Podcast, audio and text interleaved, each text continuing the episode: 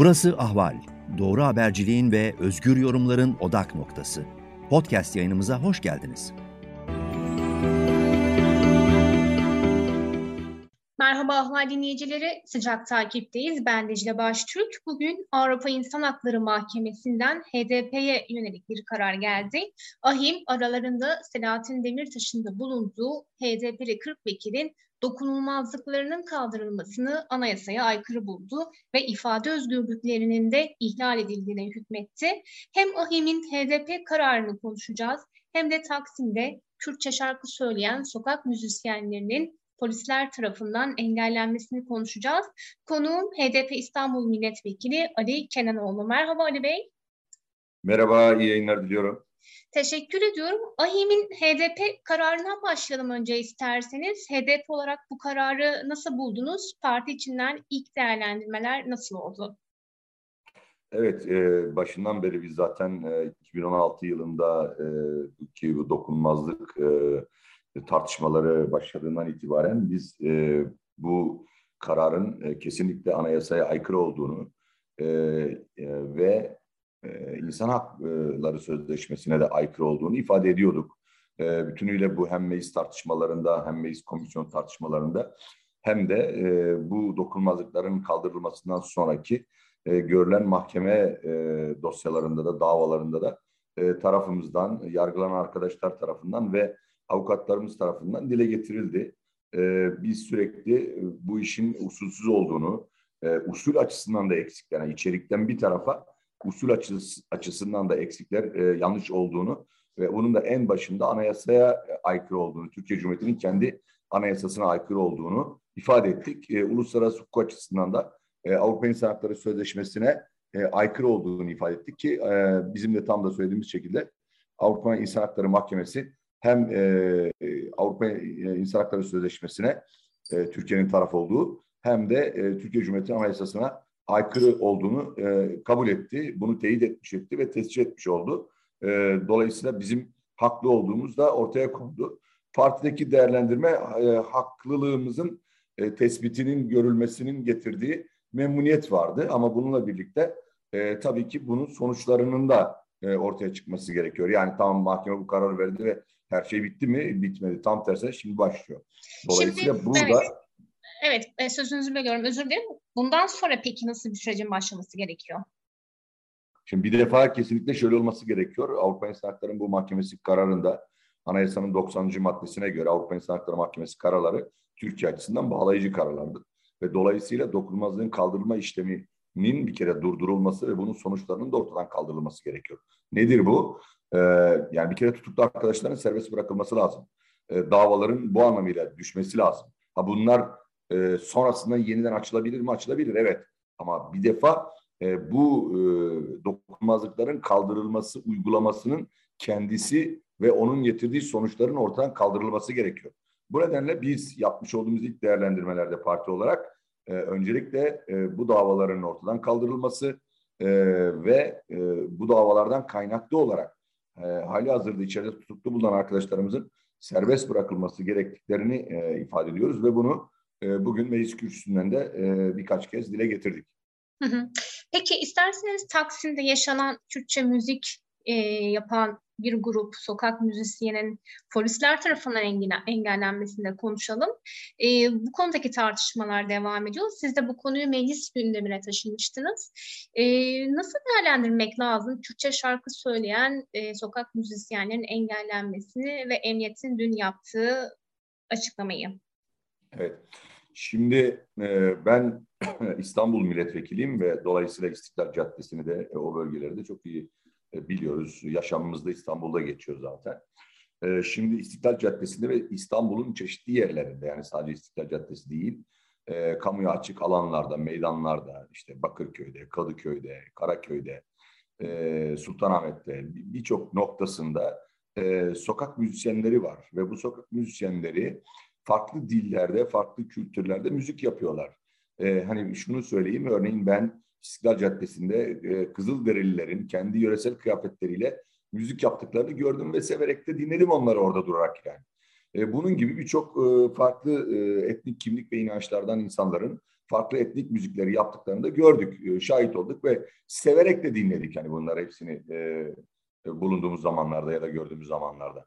Şimdi bunlardan e, tabii ki doğal olarak da e, bu toprakların dili olan e, Kürtçe ile ilgili olarak da e, gençlerin, müzisyenlerin e, Kürtçe şarkılar e, söylediklerine tanık oluyoruz. E, söylüyorlar yani.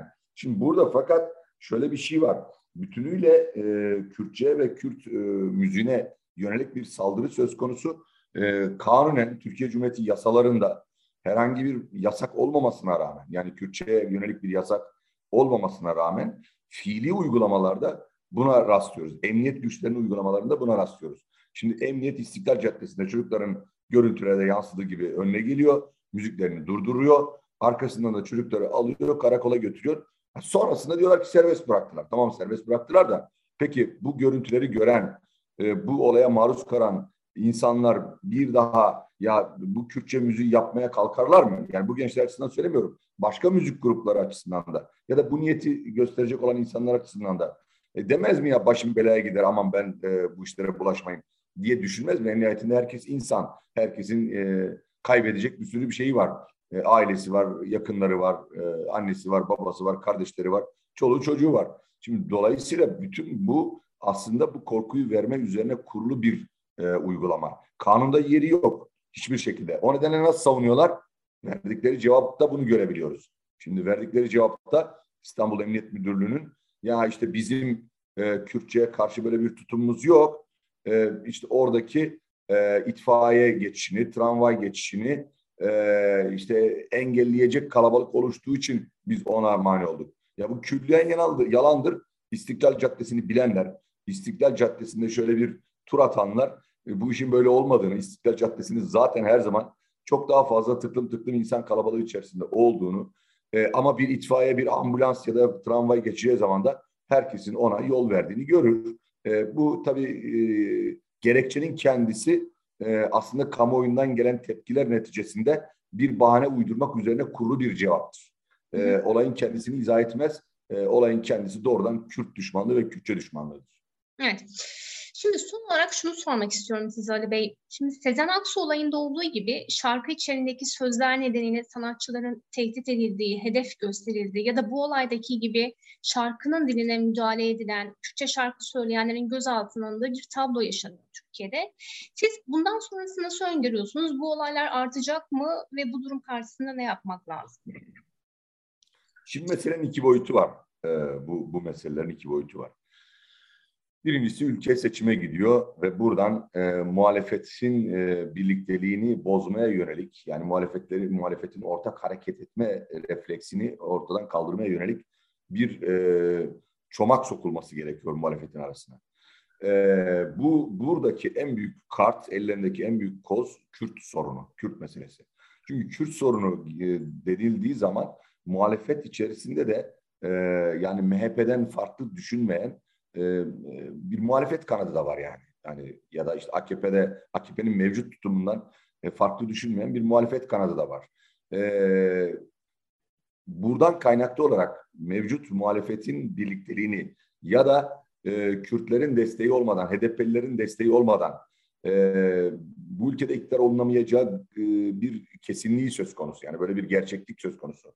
Bu gerçeklik karşısında bu Kürt oylarının muhalefete gitmesini engellemek adına e, Kürtlere yönelik, HDP'lilere yönelik e, bu tür atraksiyonlar, bu tür e, zorbalıklar e, devam edecektir.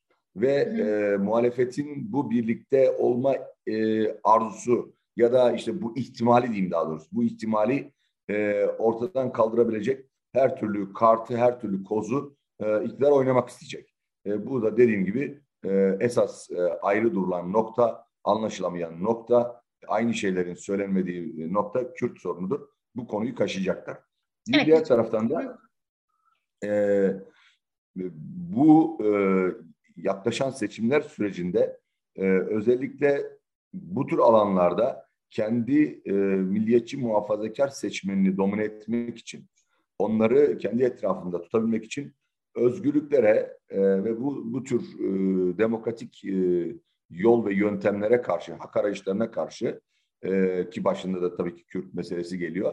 E, bütünüyle bir baskıcı siyaseti izlenecek. Zaten bu izleniyor. Bu arttırılarak devam ettirilecek. Benim e, gördüğüm bu ya da yaklaşım e, bunu gösteriyor. E, bu anlamıyla e, Kürtçe'de, Kürt e, halkı da e, diliyle, kültürüyle, kimliğiyle bütün bu süreçlerde en fazla nasibini alan kesim oluyor. E, buradan kaynaklı olarak da bu e, İstiklal Caddesi'nde yaşanan olay bu dediklerimden de bağımsız bir durum değil. Evet. Peki çok teşekkür ediyoruz değerlendirmeleriniz için. Ben teşekkür ediyorum. İyi yayınlar diliyorum. Sağ olun. Ahval podcastlerini tüm mobil telefonlarda Spotify, SoundCloud ve Spreaker üzerinden dinleyebilirsiniz. Apple iPhone kullanıcıları bize iTunes üzerinden de ulaşabilir. Türkiye'nin ve hayatın cıvıl cıvıl sesleri Ahval Podcast dizisinde. Kulağınız bizde olsun.